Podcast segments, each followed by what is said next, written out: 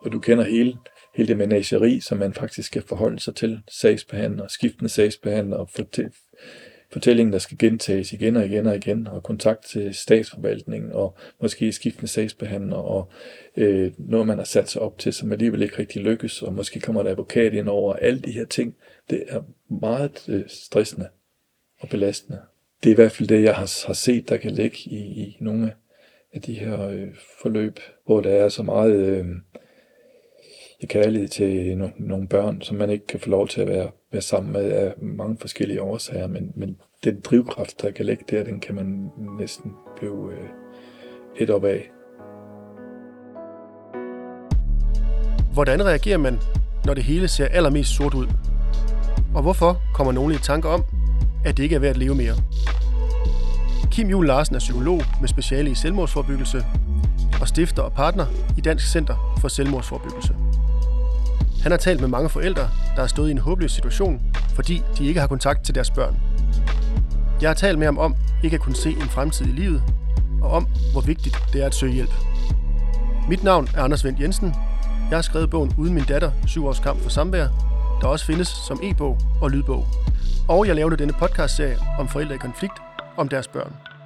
Velkommen til afsnit 25. Jamen, øh, Kim, tak fordi jeg måtte komme ned og besøge dig. Ja. Øh, du har jo arbejdet med det her selvmordsforebyggelse øh, i 25 år. Ja. Kan du ikke fortælle lidt mere om det? Jo, altså det har jeg jo været optaget af øh, siden i sin 97, øh, hvor at vi øh, på daværende tidspunkt arbejdede som psykolog, og jeg arbejdede det, der hedder Amtets børn- og unge og der mødte vi faktisk rigtig mange øh, børn og unge med selvmordstanker. Øh, og der jagtog vi også øh, den, øh, hvad skal man sige, overgangs, øh, uheldige overgang, der er imellem øh, børneområdgivning og så til psykiatrien og afvisning af psykiatrien til at være videre ud i, i øh, det kommunale og regionale system, og så, så så vi den her overgangsproblematik, som vi gerne vil prøve at løse. Så, så, så det var egentlig der, hvor, hvor jeg sådan først begyndte at interessere mig for det. Så fik vi nogle, nogle projektmidler til at, at, lave noget, vi kaldte en behandlingskæde, øh, hvor vi lavede et mere systematisk samarbejde mellem børne- og og, Amtets børn og og kommunerne, som, som også mødte, øh, mødte borgerne. Så det var noget med at prøve at samle indsatsen, i stedet for at man gik forskellige steder hen, eller det, hvordan? Det var, det var noget med at samle indsatsen, og at det ikke blev til sådan en kastebold øh, af de unge, som havde selvmordstanker. Fordi jo, det var typisk ude i den kommunale del, så blev de lidt forskrækket og sendte dem videre til, øh, til den regionale del, og, øh, og nogle gange så sendte vi det så til psykiatrien, og de afviste, fordi de var ikke psykisk syge, så røg den tilbage til den amtslige del, og måske ud til kommunen. Altså, så det, det, var, det var ikke systematisk opfølgning af unge børn og unge, som havde forsøgt selvmord. Og det, det var det, vi prøvede at systematisere og, og lave nogle samarbejdsaftaler omkring, hvordan skal vi håndtere det her. Okay, så der var måske nogen, der blev tabt på gulvet den? Der var mange, der blev mange, der blev tabt på gulvet, ja. Det, det var der. Og hvor du så ellers arbejdede? Jamen, så har jeg jo arbejdet i øh, børne- og ungdomspsykiatrien i Odense øh, en del år, hvor jeg så sad som øh, centerleder af Center for Selvmordsforbyggelse. Øh, så har jeg arbejdet på øh, Center for Selvmordsforskning, øh, og så har jeg arbejdet i psykiatrien i Ballerup, det var også inden for spiseforstyrrelsesområdet. Øh, og så senest her, der har jeg så siddet som, som leder af noget af det psykologteam i Odense Kommune, gratis psykologhjælp til unge. Okay. Øh, men altså klinisk har jeg også været optaget af at arbejde med, med selvmordsforbyggelse og, og, og de, de, de, de, de borgere eller med unge eller voksne, som har haft selvmordsforsøg eller selvmordstanker eller selvskade. Ja. Øh, jeg har mange år været optaget af det, der hedder dialektisk adfærdsterapi, for det op at køre forskellige steder, fordi det er en rigtig god behandlingsform, hvis man har bare et selvskade. Øh, ofte har tanker og ønsker om at vi, vi dø. Hvad er det egentlig, der har fået dig til at interessere dig for emnet? Øhm. Jamen, jeg tror, jeg tror egentlig, at øh, det, der startede interessen, det, det var den her sådan øh, ugunstige øh, øh, fremskrivning af det her. Det er ikke mit område. Det er for svært for os at arbejde med unge, som har selvmordstanker eller selvmordsforsøg. Og, og, og det med, at der ikke var en, en, en sammenhængende behandling. Og så er jeg selvfølgelig også ved at optage det sådan rent klinisk, altså øh, face-to-face øh, behandling i forhold til unge, som har selvskade, selvmordsforsøg. Og, altså det, der driver mig, det er vel, og øh, jeg, jeg synes, det er et, øh, et område, som bliver lidt dårligt behandlet i, i Danmark. Det får ikke den, øh, det får ikke den fokus og, og den øh, forebyggelsesinteresse, som jeg synes, det burde have. Der er mange, der ikke rigtig tør at arbejde med det, eller øh, beskæftige sig med det. Det, det, det har i hvert fald været nogle af de ting, jeg sådan har, har drevet mig. Jeg synes, man kan gøre en stor forskel ved at arbejde grundigt ind i det her område. Øh, og også det med at arbejde med, med nogle af de der svære tilfælde og hjælpe andre fagpersoner med at kunne stå i det, og øh, selvfølgelig også hjælpe de borgere, som har det så svært, så de ønsker at dø. Øh, efter de her forskellige ansættelser, så er jeg nu privatpraktiserende psykolog, og så øh, ved siden af det, så er jeg så partner og stifter af det, vi kalder Dansk Center på Selvmordsforbyggelse, hvor at øh, vi øh, har fokus på at udbyde kurser til særligt til sociale område, øh, kommuner, i forhold til selvmordsrisikovurdering. Altså, vi er overbevist om, at fagpersoner, som får mere kompetence i at kunne spørge borgere omkring selvmordstanker og øh, eventuelt øh, selvmordshandling og sådan noget der, at, øh, at kunne vurdere risikoniveauet, de har meget bedre forudsætninger for at kunne vejvise til de rette tilbud og, og, og hjælpe de mennesker videre.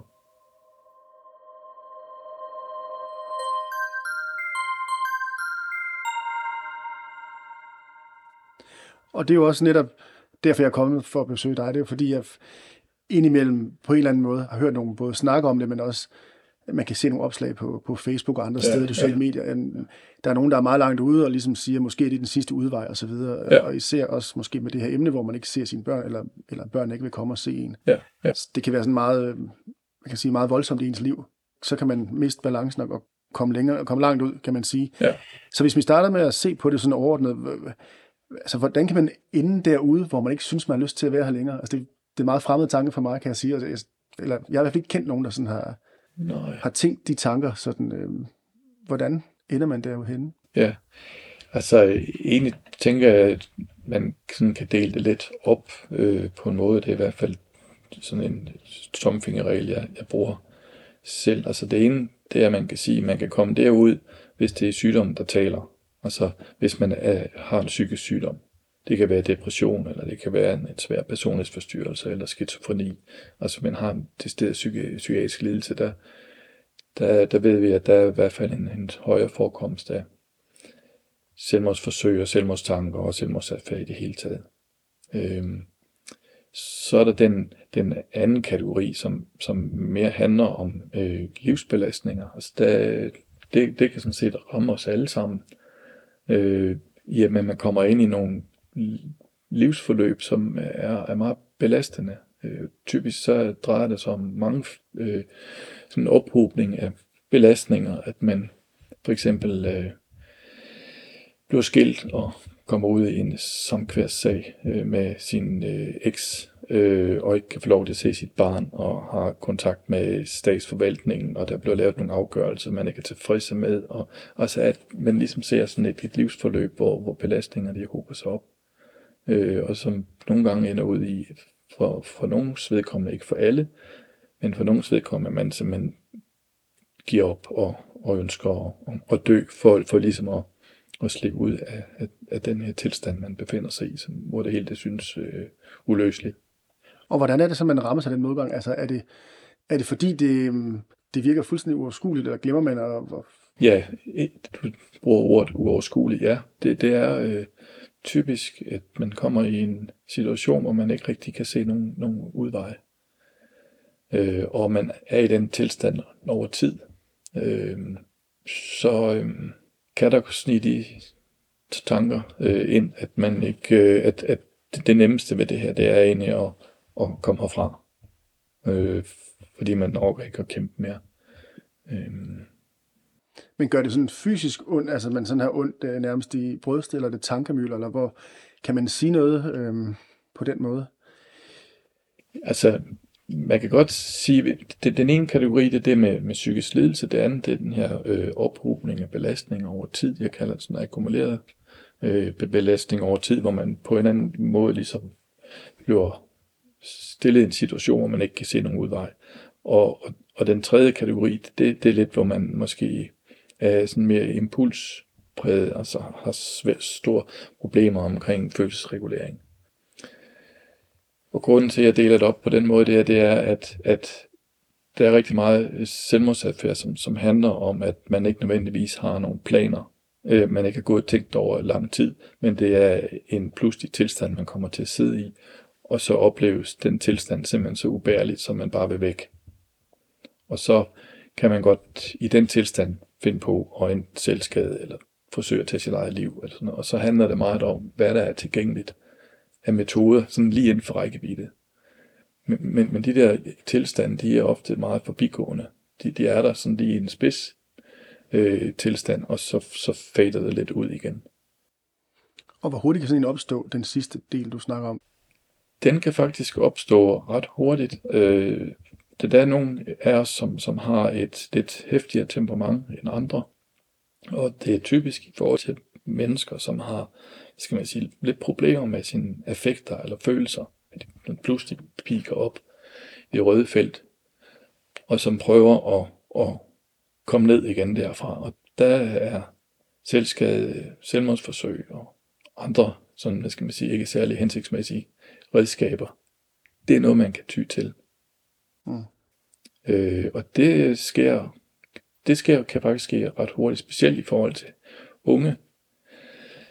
Når vi snakker om for eksempel paracetamol, øh, forgiftninger, altså at man tager, øh, tager piller, øh, det er jo en af grundene til, at vi har fået indført det med blisterpakninger, hvor man kun kan få øh, dem i, i, i 12 pakninger.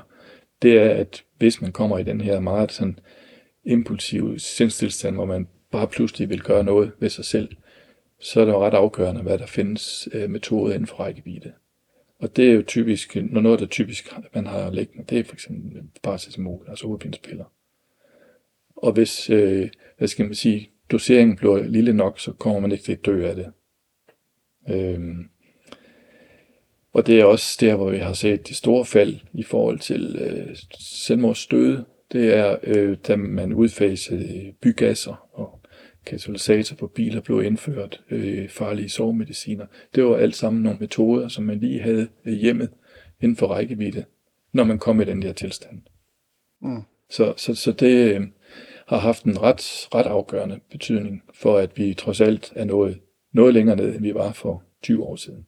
Okay. Og hvordan har, har udviklingen været? Hvor mange er der, var der dengang, og hvor mange er der i dag sådan om året? Der... Jamen altså, for cirka 25 år siden, der, der lå vi meget højt også internationalt. Der lå vi vel op omkring øh, 1700-1800 død om året, så vidt jeg husker. Og, og, og nu er vi så kommet ned på, på omkring 600 selvmordsdøde øh, i forhold til alle aldersgrupper. Det er stadigvæk meget højt. Er der nogle aldersgrupper, der skiller sig ud? Øhm Ja, det, det er der også. Det er jo, det er jo særligt middelalderen og ældre, som, som tegner sig på den største hyppighed af selvmordsdøde. Men, men i forhold til aldersgruppen som sådan, der ligger unge egentlig også ret højt, men det har jo noget at gøre med, at unge almindeligvis ikke dør af, af noget som helst. Så, så derfor ligger selvmord faktisk som en af de, øh, en af de hyppigste dødsårsager blandt unge. Blandt unge, ja. Men hvis man tager selvmord isoleret, så er der flest ældre? Så er der flest øh, mænd, der er flest middelalderne og allerflest ældre mænd. Okay. Og ved vi noget om, hvor mange der forsøger at begå selvmord? Det er i hvert fald 10 gange så mange, der forsøger. Også mm. mere end det. Vi, vi er oppe omkring mellem 11 og 15.000 selvmordsforsøg om året i forhold til hele aldersgruppen. Og så er der nogle mørketal. Og du snakker også lige om metoder, det er ikke fordi, vi skal gå i detaljer eller noget. Nej, nej, nej. Men, men er det mest piller, der er det den hyppigste? Ja, i forhold til piger øh, specielt, øh, og unges øh, selvmordsforsøg, så er det typisk øh, piller.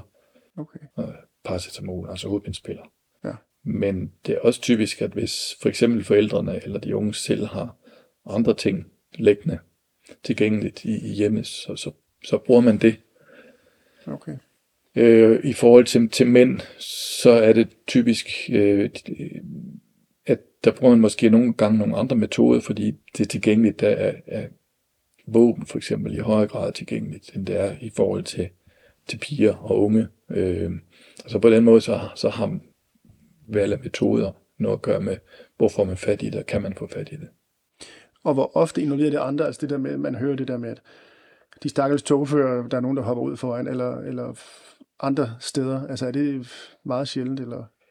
Altså, det er jo en af de metoder, som øh, blev omtalt, og øh, som jo er tilgængelig. Der har vi også gjort rigtig meget forebyggelse i forhold til det. Men, øh, men der er relativt mange, som, som springer ud som, som øh, metode. Altså, det kan være foran toget, eller broer, eller, men det, det er typisk tog. Øh, men det ændrer ikke på, at det nogle gange kan være sådan meget, altså, at den tilstand, der befinder sig i, nogle gange kan være meget sådan impulsiv, øh, pludselig opstået. Ikke at der ikke har været problemer i lang tid, øh, for eksempel skilsmisse, eller samkvem med børn, eller det kan være mange forskellige ting, at de, det der belastningsbillede har været over lang tid. Men den der tilstand af, hvor man slet ikke kan holde ud at være i sig selv, og nødt til bare skal herfra, sådan kan det i hvert fald føles, den tilstand øh, omfatter også dem, der pludselig bare springer ud. Øh. Hvordan er det så, man kan få sig til at tage det sidste skridt? Altså hvis vi snakker om det der med at, at springe eller at tage pillerne, ikke? Altså du, du gør noget aktivt, ja, ja. du klæder ud over rækværk, eller hvad det nu er. Ja. Du gør det, det er jo, altså tanken er jo voldsom, synes jeg. Ja, men det er den, og, og, og nogle gange, så, så tror jeg også, vi, vi tænker det som om, at det er noget, man går, og, og det er der selvfølgelig også nogen, der gør, men det er trods alt de færreste.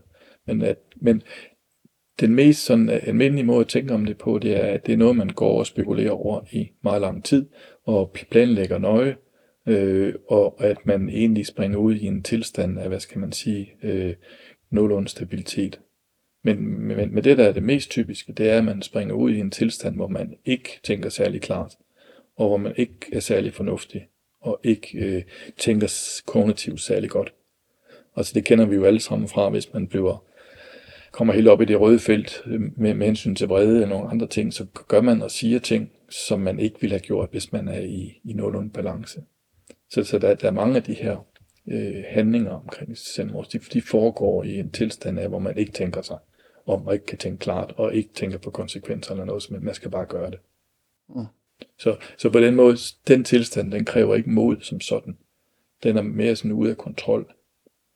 Øh, så er der de mere sådan færre øh, situationer, hvor det er noget langtidsplanlagt noget, og det, det, det er noget, der typisk knytter sig til psykiske lidelser, eller at man er uhelbredeligt syg, eller man er så gammel, som man ligesom ikke synes, man vil længere, og, mm. og stadigvæk har, har mulighed for at, at agere i det.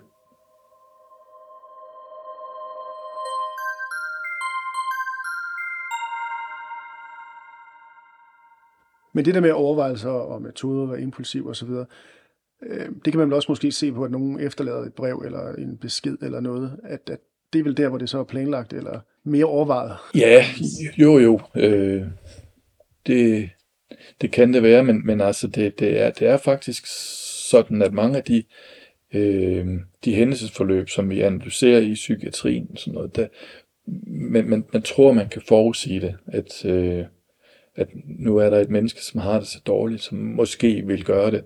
Men, men vores erfaring er, at nogle gange så er, kommer det lidt som fra en blå himmel. Altså man, man kender ikke, der er ikke det der øh, forløb med, øh, man melder noget på de sociale medier, og man begynder at sælge sine ting, eller skriver nogle selvmordsbreve og sådan noget. Det er, det er ikke det typiske i hvert fald. Mm. Men, men, men det kan man godt, og det er selvfølgelig nogle signaler, som man skal tage alvorligt, hvis det er, at at man kommer med de udtalelser, eller skriver nogle mails omkring det, eller sætter noget ud på de sociale medier, så, så, skal, det, så skal det som udgangspunkt bare tages alvorligt.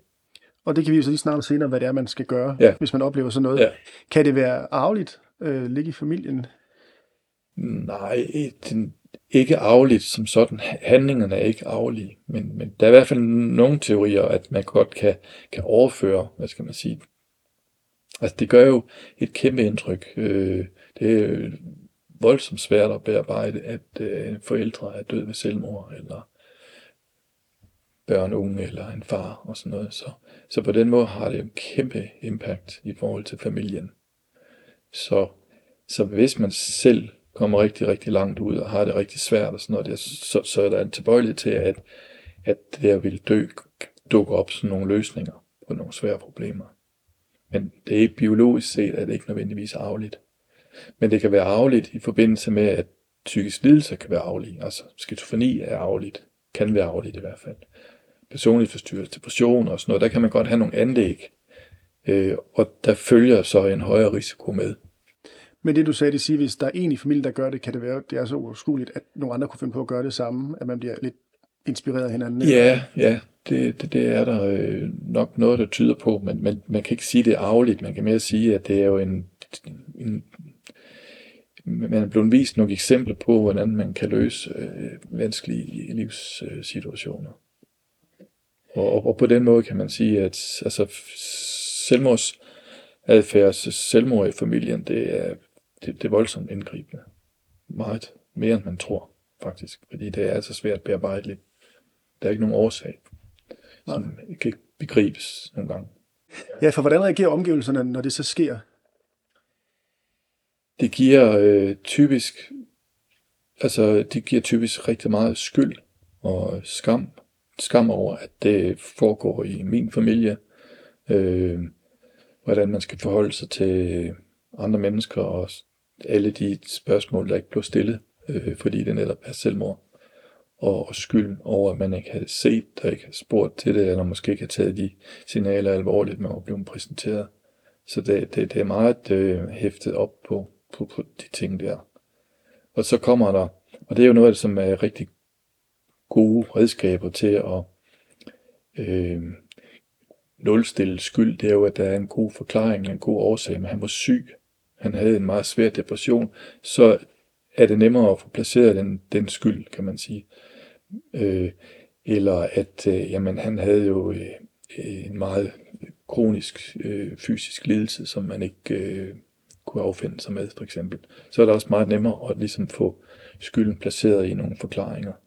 Men, men det er noget af det, som, som griber rigtig meget ind, det er, at der nogle gange ikke rigtig er nogen forklaringer. Hvor, hvorfor gjorde han det? Øh, det kan ikke, det kunne ikke bare være det skænderi, vi havde, eller...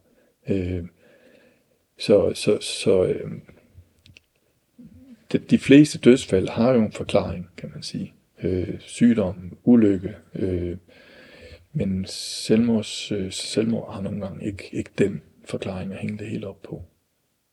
Og det gør, at man, man får sådan et bearbejdningsforløb eller sovforløb, som er mere uafklaret og trækker længere ud og mere kompliceret end de fleste. Øh, er det egoistisk at begå selvmord? Øh, det er svært at sige. Igen, så, så kan man snakke om, at man begår selvmord i, et, øh, i en klogskab. Ikke? Altså man er helt sig selv, man er i balance og sådan noget. Så, øh, men, men altså, det var det, jeg øh, så snakker om, at ofte så, så er det egentlig et selvmordsforsøg, som bliver til et selvmord. Øh, altså, som sker impulsivt og i en øh, tilstand af øh, ude af kontrol. Mm. Øh, og man kan snakke om, det er det uetisk, eller det, det, det eller umoralsk. Det, man, er, man er jo bare øh, i, et, i en tilstand ude af kontrol. Ja. Sådan, sådan er det typisk i hvert fald. Men så er der også også folk, der prøver, men det ikke lykkes for. Ja. H- hvad siger de bagefter? Øhm, dem har du vel også oplevet? Ja, dem har jeg jo heldigvis, øh, dem jeg har oplevet aller, allermest af. Altså, det der er, og det er også det, der har, har drevet mig i, i det her område, som jeg synes, jeg synes, det er et vigtigt forebyggelsesområde, det er, at øh, langt, langt de fleste kommer jo, kommer jo bare ud af det ved relativt få lille indsats. Øh, netop fordi det er noget, det er noget forbigående, altså der, hvor man, hvor man kan være i en periode, måske på nogle dage eller nogle uger, hvor man simpelthen ikke kan se løsninger og bare vil ud af, af ledelsen, der kan man have selvmordstankerne, og måske også haft selvmordsforsøg. Men når man er forbi det punkt, så kan man slet ikke forstå, at man har været der. Øh, man kan godt huske det, men, men det, det kan være svært at forstå. Så, så det er egentlig ret nemt øh, nogle gange at, at flytte på det, sådan rent behandlingsmæssigt. Så de er oftere lettet end ærgerlige over, at det ikke lykkedes, kan man sige? Det er, så, det er, det, det er der undersøges, også dem, der har, har sprunget ud, altså for eksempel for højt brugere, og virkelig øh, haft nogle meget, meget farlige metoder, som man egentlig øh, skulle øh, tro, man ville dø af. Sådan noget. De, de har enten på vej ned, eller, øh, eller også når de har øh, vågnet op efter øh, øh, afgiftning, eller sådan noget, være glad for, at de øh, overlevede. Bliver de næsten flove over sig selv bagefter, eller? Ja, altså det er der det, det er helt klart. Der er, der er meget skam forbundet med, øh, at man har haft selvmordsadfærd. Øh, adfærd. altså for eksempel selvmordsforsøg. Det, det er meget typisk, at man som behandler og som psykolog er nødt til at spørge aktivt ind til det. Det gør jeg næsten altid hos alle, jeg snakker med og møder, om det har været, fordi det, kom, det kommer ikke nødvendigvis af sig selv. Så det, det, det er meget sådan en privat ting, øh, og også en skamlig, ja, sådan noget, som er forbundet med, med skam, at man, man har været derude og været så meget ude af kontrol med sig selv, at man har, har tænkt det. Så de fleste, der har prøvet, kommer, kommer videre? De kommer videre, ja.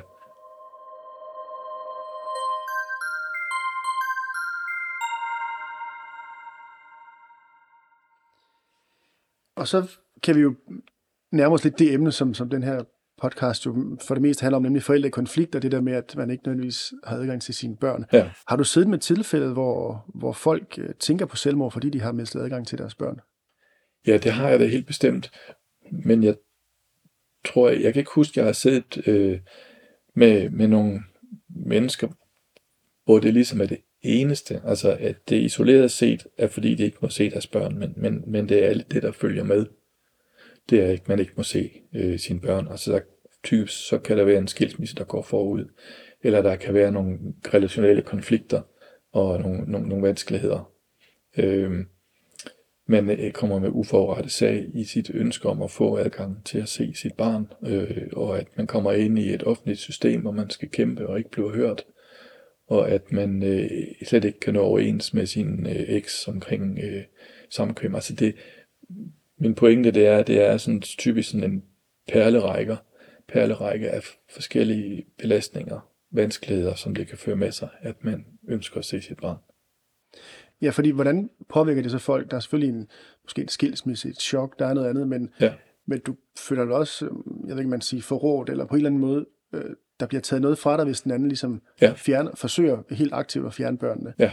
Ja. Øh, der må også være både et svigt, øh, eller hvad er det, folk fortæller om? Jamen, jeg, jeg, jeg, tror, jeg, jeg tror, det er, altså, du, du nævner det selv, den der, for, for, altså man er forrådt på en måde, eller at man øh, altså bliver uretfærdigt behandlet, eller man har en rettighed, som man øh, ikke synes, man får lov at, at komme igennem med. Altså den øh, brede og, og den øh, følelse af uretfærdighed, eller uretfærdig behandling, og sådan noget, som kan være det, som, altså det kan være den benzin, som ligesom driver, og bliver ved med at drive øh, den konflikt, som man ikke ligesom kan komme ud af, som måske nogle gange bygger sig op og bliver mere og mere giftig. Øh, vi ved i hvert fald, at de børn, som klarer sig rigtig dårligt i forhold til skilsmisser, det er jo også de børn, hvor konflikten har trukket i overvis øh, ud mellem forældrene, hvor de ligesom ikke kan få det sluttet af og få fundet en eller anden form for øh, konsensus eller erkendelse af, at det er så sådan, det er. Øh, så så, så der, der er noget i, i, i det, altså der, der kan jo være øh, en meget bitter øh, brede og uretfærdighedsfølelse, som, som blev ved med at, at drive en imod øh, og fastholde lidelsen i det.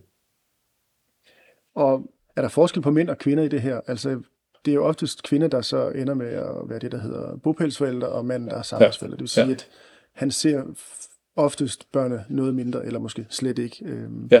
Det kan selvfølgelig også ske for kvinder, og det kan være den anden vej rundt. Det, det kan sagtens ske for kvinder også, ja. Øhm, men, men reagerer kvinder og mænd forskelligt i, i de her situationer så? Jeg tror ikke nødvendigvis, der er den så stor forskel i, hvordan man over tid reagerer på øh, nogle vanskelige belastninger. Men jeg tænker, at det er hyppigst mænd, som kommer i den situation, øh, hvor at vi måske også nogle gange som mænd ikke er så godt stillet øh, som kvinder i forhold til at komme igennem med, med de ønsker, man har.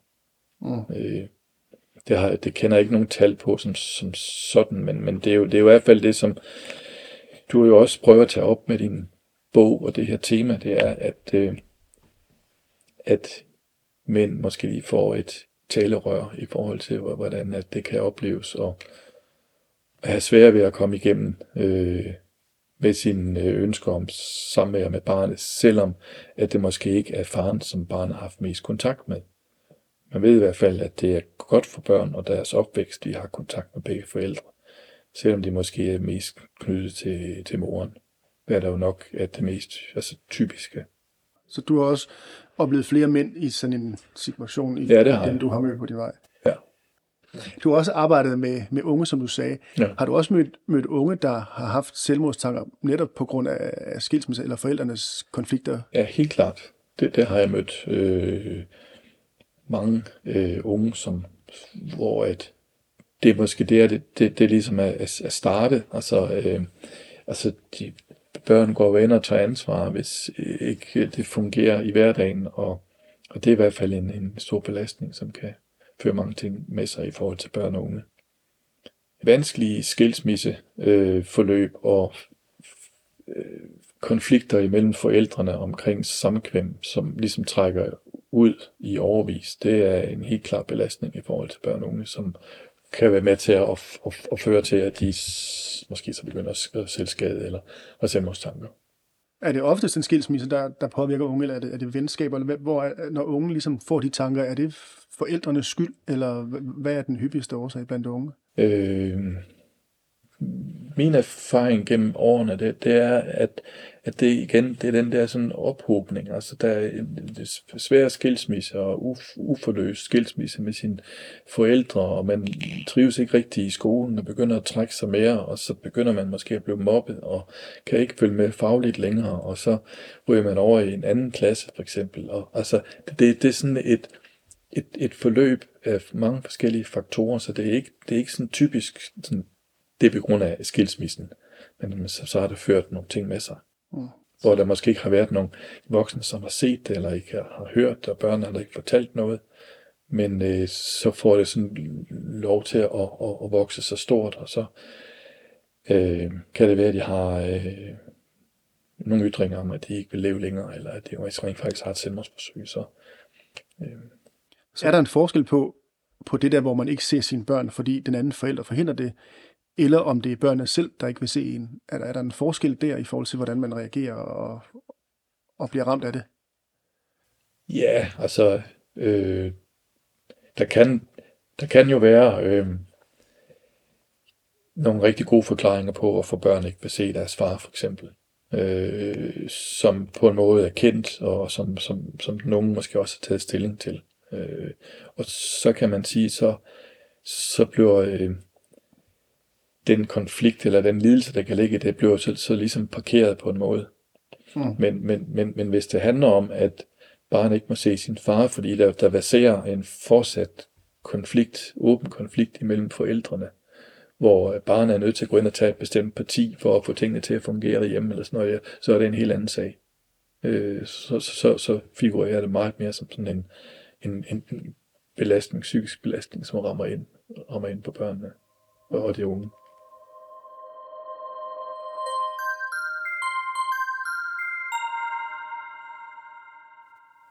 Hvad skal man så gøre, hvis man sidder med de her tanker? Jamen altså, øhm, man skal jo øhm, søge noget hjælp. Man skal, skal have, have nogen at snakke med det om. Øh, man skal høre sig selv tænke højt. Det kan være venner og bekendte og familie, men øh, hvis man ikke, hvis man øh, synes, man ikke øh, kan det, eller sådan noget der, så, så er det jo også rigtig god idé at søge noget professionel øh, hjælp. Øh, og det er i hvert fald helt klart, at det med, at man begynder at have selvmordstanker, eller ønsker om at vil slutte sit dag på den måde der, så er det helt klart et udtryk for psykisk mistrivsel, som man skal gøre noget ved. Og der, der tror jeg altså, at man relativt let kan få noget, noget hjælp, øh, også hvis man som, for eksempel som far sidder i sådan en, et, et forløb, som strækker sig over i rigtig mange år, man også får nogle kompetencer til at kunne stresshåndtere det lidt på en måde, fordi det, det jeg i hvert fald har set, hvis man ligesom er inde i sådan nogle rigtig giftige forløb omkring børns samkvem, det er, at man heller ikke selv giver sig selv nogle pauser i det, eller nogle fristeder, hvor man ligesom kan lægge det fra sig, og sige, okay, nu har jeg gjort øh, noget to dage den uge, jeg resten af dagene har jeg fri, eller altså for at stille det lidt på spidsen, men at det blev ved med at være sådan en uforløst konflikt, som æder sig ind på ens tænkning og følelsesliv, og som man ikke kan holde fri fra. Og der, der oplever jeg i hvert fald tit, at man kan få nemt, relativt nemt kan få, få hjælp til at træde lidt ud, og så kigge på det lidt ovenfra og sige, okay, det her det er en rigtig vanskelig sag, det vil det være for mig, det er det for mig, men det vil det også være for alle mulige andre. Hvordan kan jeg tillade mig selv at også holde lidt fri fra det, øh, for at holde belastningsniveauet eller stressniveauet nede, så man kan være i det. Og hvor går man hen og får den hjælp? Banker man på hos kommunen eller hos sin læge? Eller? Ja, altså det kan man jo gøre hos sin, sin, sin, sin læge. Øh, altså hvis man har selvmordstanker og, øh, eller øh, så, så svære selvmordstanker, så kan man jo kontakte de her centre for selvmordsforbyggelse, der findes i de, de fem regioner, få hjælp der, og det kan man blive henvist til via egen læge. Og ellers kan man jo blive henvist til, til psykologer, til psykologforløb. Øh, øh, og det er der jo der heldigvis også, også mange, der gør.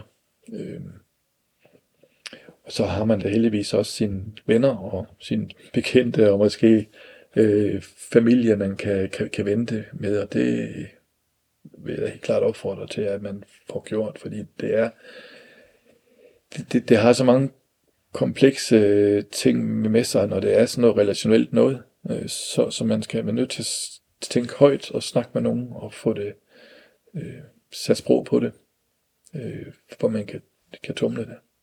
Og du sagde meget interessant det der med at, at på en eller anden måde dele det op, så man koncentrerer sig om, om sagen på et eller andet tidspunkt og gøre noget andet på andet. Ja. Er, er det simpelthen noget med at gå ud og dyrke sport eller gå i biografen, eller hvor, hvor er vi henne? Er det simpelthen bare for at få øh, blæst tankerne igennem? Ja, men det, det, det er det, og, og det, det er i hvert fald det, jeg har set hos, øh, også hos fædre, men også for møder for den sags skyld, men, men sådan nogle verserende konflikter omkring børns samkvem, det bliver næsten på fuld tid, og, og, og det, bliver, det bliver svært at, at, at holde, sig, holde, holde, holde fri fra det, og det kan man jo ikke holde til. Mm. Øh, det kan få indvirkning på ens søvn, øh, det kan få indvirkning på, øh, hvad man beskæftiger sig med i øvrigt, eller hvad man er optaget af i, i tankerne, øh, og, og det kan simpelthen blive for meget. Øh, det, det, der er det godt at have en samarbejdspartner i. Kan man også få det lidt udstrakt arm på, på nogle tidspunkter, og så er der nogle tidspunkter, hvor man så arbejder videre med det. Øh, kan forstå, at du har haft dit forløb også, og du kender hele, hele det menageri, som man faktisk skal forholde sig til, sagsbehandler, skiftende sagsbehandler, og fortællingen, der skal gentages igen og igen og igen, og kontakt til statsforvaltningen, og måske skiftende sagsbehandler, og øh, noget, man har sat sig op til, som alligevel ikke rigtig lykkes, og måske kommer der advokat ind over alle de her ting. Det er meget øh, stressende og belastende. Det er i hvert fald det, jeg har, har set, der kan ligge i, i nogle af de her øh, forløb, øh, hvor der er så meget øh, kærlighed til no, nogle børn, som man ikke kan få lov til at være, være sammen med af mange forskellige årsager, men, men den drivkraft, der kan ligge der, den kan man næsten blive øh, et op af. Altså. Og på, på den måde kommer det nogle gange lidt til at svare til, at hvis man, øh, altså vi kender jo alle sammen det, man arbejdsmæssigt kan være så, blive så engageret og, og så øh, involveret, og det bliver så stor del af ens liv, så man ikke kan tjekke ud af det, før man bryder sammen. Og det er lidt det samme, der kan gøre sig gældende her, i forhold til, til noget af det her, fordi det er så, øh, altså, der, der er så mange kræfter i det. Så man skal sørge for lige at holde en pause? Man skal kunne sørge for at holde en pause, man skal kunne øh, øh få det lidt ud i armslængde og, og, og se ens roller i det. Altså, dels er man far, som ikke kan se sit barn, og dels er man sagsbehandler, og nogle gange er man også øh, amatørjurist, og, øh, og, øh, og man er måske også sin egen støtte. Øh, sådan noget, det, det er altså en, en, en, en cocktail, man ikke kan blive ved med at være i. Mm. Ja, for det er jo en stor del af stedet, især hvis det har været en stor del af ens liv, og det pludselig er væk. Men jeg har også talt øh, med folk, de, de får den det der nærmest angst for at åbne postkassen, eller nu hedder det ja, så e-boks, ja. ikke? Men, men ja. man kan simpelthen få den der, shit, nu kommer der et eller andet fra, ja. fra det offentlige, nu skal ja. jeg forholde mig til noget igen, ja. og det, ja. det, det gør helt ondt i maven, og hvad der det, er, ikke? Det gør helt ondt i maven, og man kan også nogle gange blive næsten helt, skal man sige, kognitivt overbelastet i, at hvem var det nu, I lige skulle snakke med, og sidste uge var det den, og nu er det den tredje person. Altså, at det, det, det, det bliver ret, ret kompliceret at se det som, både som part i det, men også som, som sin egen sagsbehandler, øh, og prøve at, at, at navigere igennem sådan nogle systemer der. Men du siger, at man kan få, få hjælp hos en psykolog eller egen læge osv. Ja, ja. Hvad, hvad er det, man, hvordan er det så, man kan sige, øh, at de kan få folk til at tænke på de andre ting, eller lade, lade det ligge og netop gå ud og spille fodbold, eller hvad det nu er, man, man gør. Hvor, hvor, hvilke knapper skruer de på? Jamen, det kan være en svær proces, men, men det kan jo være at få, få, få skruet lidt ned for den der uretfærdighedsfølelse, som, man, som er, er drivkraften i det. Øh, eller i hvert fald, at den øh, kan sættes på pause indimellem, så man kan beskæftige sig med andre ting. Det er som regel sådan en, en, en samtaleproces, det, men man skal snakke sig ind i det, mm. øh, og finde ud af, hvad, hvad, der, hvad der driver ind i, i, i det, og blive ved, og kunne blive ved, og så også kunne holde til det. Og du siger selv det der med at, at tale om det, og, og venner og familie, det er i hvert fald brugt rigtig meget selv. Mm. Men der er jo også, der kan jo komme et punkt, hvor, hvor de måske også, punkt 1, kan være trætte af at høre om det, ja. eller hvor de måske ikke rigtig tør spørge, fordi af en eller anden form for um, misforstået hensyntagen til, at man måske ikke har lyst til at tale om det. Ja. Øhm, så øh, har du også oplevet nogen, der har oplevet det med, at, at de alligevel bliver ladt lidt alene, også af de pårørende, fordi man måske, øh, du, for, eller fordi de tænker, nu, nu skal de også til at gå videre.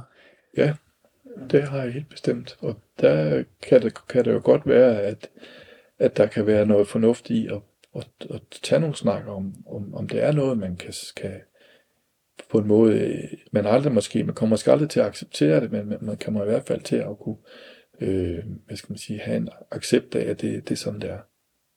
Øh, og det når man måske ikke i mål med. Så man kan komme, komme videre. Og det er der, at belastnings niveau, hvis man kan bruge sådan nogle udtryk, men altså, at det nogle gange kan blive så højt, fordi man, man ikke kan få, få, få stoppet sig selv i det også, så, så man kommer derud, hvor man øh, får selvmordstanker og, og ønsker at, at dø og ikke kan ses ud af det. Der må man jo genoverveje, øh, hvornår man også selv skal passe på sig.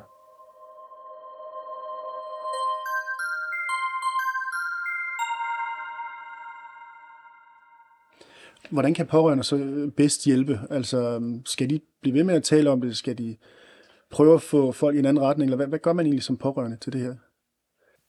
Øh, der er jo mange måder at gøre på, men altså som pårørende vil jeg da synes, det var øh, vigtigt, hvis man fortsat kan lytte og, og, og, og kan, kan, kan høre om de refleksioner, som du eller en anden far, eller hvem det nu er, kan have men ikke nødvendigvis sidder og skal sætte med nogle løsninger, fordi det er der måske ikke, sådan umiddelbart i hvert fald. Så, så det er bedre at lytte end at sige, du skal gøre det og det, eller? Ja, det kan det være, hvis det er helt klart, fordi der er ikke nogen det og det øh, løsning nødvendigvis. Der kan der selvfølgelig være, men, men hvis det er noget, der har kørt i, i, i mange år, så, så er der ikke nogen nemme løsninger. Øhm, men, der, men, men det er jo det, som man nemt kommer til at opleve som, som pårørende, og også nogle gange kan blive forført af som, som psykolog eller som behandler, det er, at man ligesom skal, skal prøve at komme med nogle løsninger på, hvordan man så når det eneste retfærdige, og det er at få samkvem med sit barn. Øh, men de løsninger er der måske ikke lige. Eller i hvert fald så, så ligger de så langt ude, som man er kørt helt ned, mm. øh, inden man når dem. Hvad, hvad er dit bedste råd til folk i den her situation? Altså, hvis, hvis det er sådan, at, at man ikke kan, kan slippe det som far eller som menneske, eller blive ved med at være i en konflikt, der kører i, i overvis, så, så er det jo vigtigt, at man får talt med nogle andre om det, sådan løbende. Og, og når de pårørende begynder at stå af med, så finder jeg nogle andre steder, så man kan holde sig lidt fri af det også, øh, så man ikke bliver for, altså for slidt og for belastet øh, rent psykisk. Øh, og at det øh, går meget ud over ens øh, mistrivsel generelt. Men når man så derude, hvor man overvejer det der med at tage sit eget liv, ja. øhm, kan de her mennesker så slet ikke se, at hvis de ikke er her mere, så får de jo aldrig deres børn at se? Øh, ikke, ikke nødvendigvis, altså, øh, men der kan ligge rigtig mange forskellige motiver i det med at, at ytre sig omkring, at man vil dø. Altså, øh, men altså, hvis, hvis vi bliver i den her med, at, at tingene bare bliver for, for vildt svære, og man ikke kan holde ud at være i det, der er det ikke nødvendigvis sådan, at man tænker langsigtet på den måde der. der tænker man mere, at man skal ud, ud af det, skal ud af det her, den her psykiske tilstand, som man befinder sig i, som, som er helt uholdbar, og som ikke kan, kan rummes, og man kan ikke holde det ud. Det er den sådan lidt mere impulsivt. Der, der tænker man ikke nødvendigvis øh, alt muligt øh, om, hvad der sker om 10 år, og hvad det betyder i forhold til barnet, og, og, og så videre. Nej, for det er jo bare et paradoks, eller, eller som jeg ser det lidt et paradoks, at man har ikke mulighed for at se sit barn, og så gør man noget, der gør, at man aldrig får, får mulighed for at se ja, sit barn. Ja, men det, det, er, det, det er det jo også. Øh, men det understreger, og også det der med, at man er ikke nødvendigvis tænker så rationelt, når man er der, hvor man tænker, at jeg vil dø, og måske også gøre nogle forsøg. Det er ikke, det er ikke der, hvor man... Det er ikke den tilstand, som, som giver den største klogskab, eller hvor man øh, øh, nødvendigvis sådan rent kognitiv på sit højeste, altså det er det bare ikke. Øhm, det er ikke særlig øh, gennemtænkt, typisk. Og det er også det, som folk så oplever, når de kommer lidt ud på den anden side, at de slet ikke rigtig kan se, så forstå, hvorfor de sad i den, den situation. Og, og det blev så øh, intimiderende, at, at man ville dø.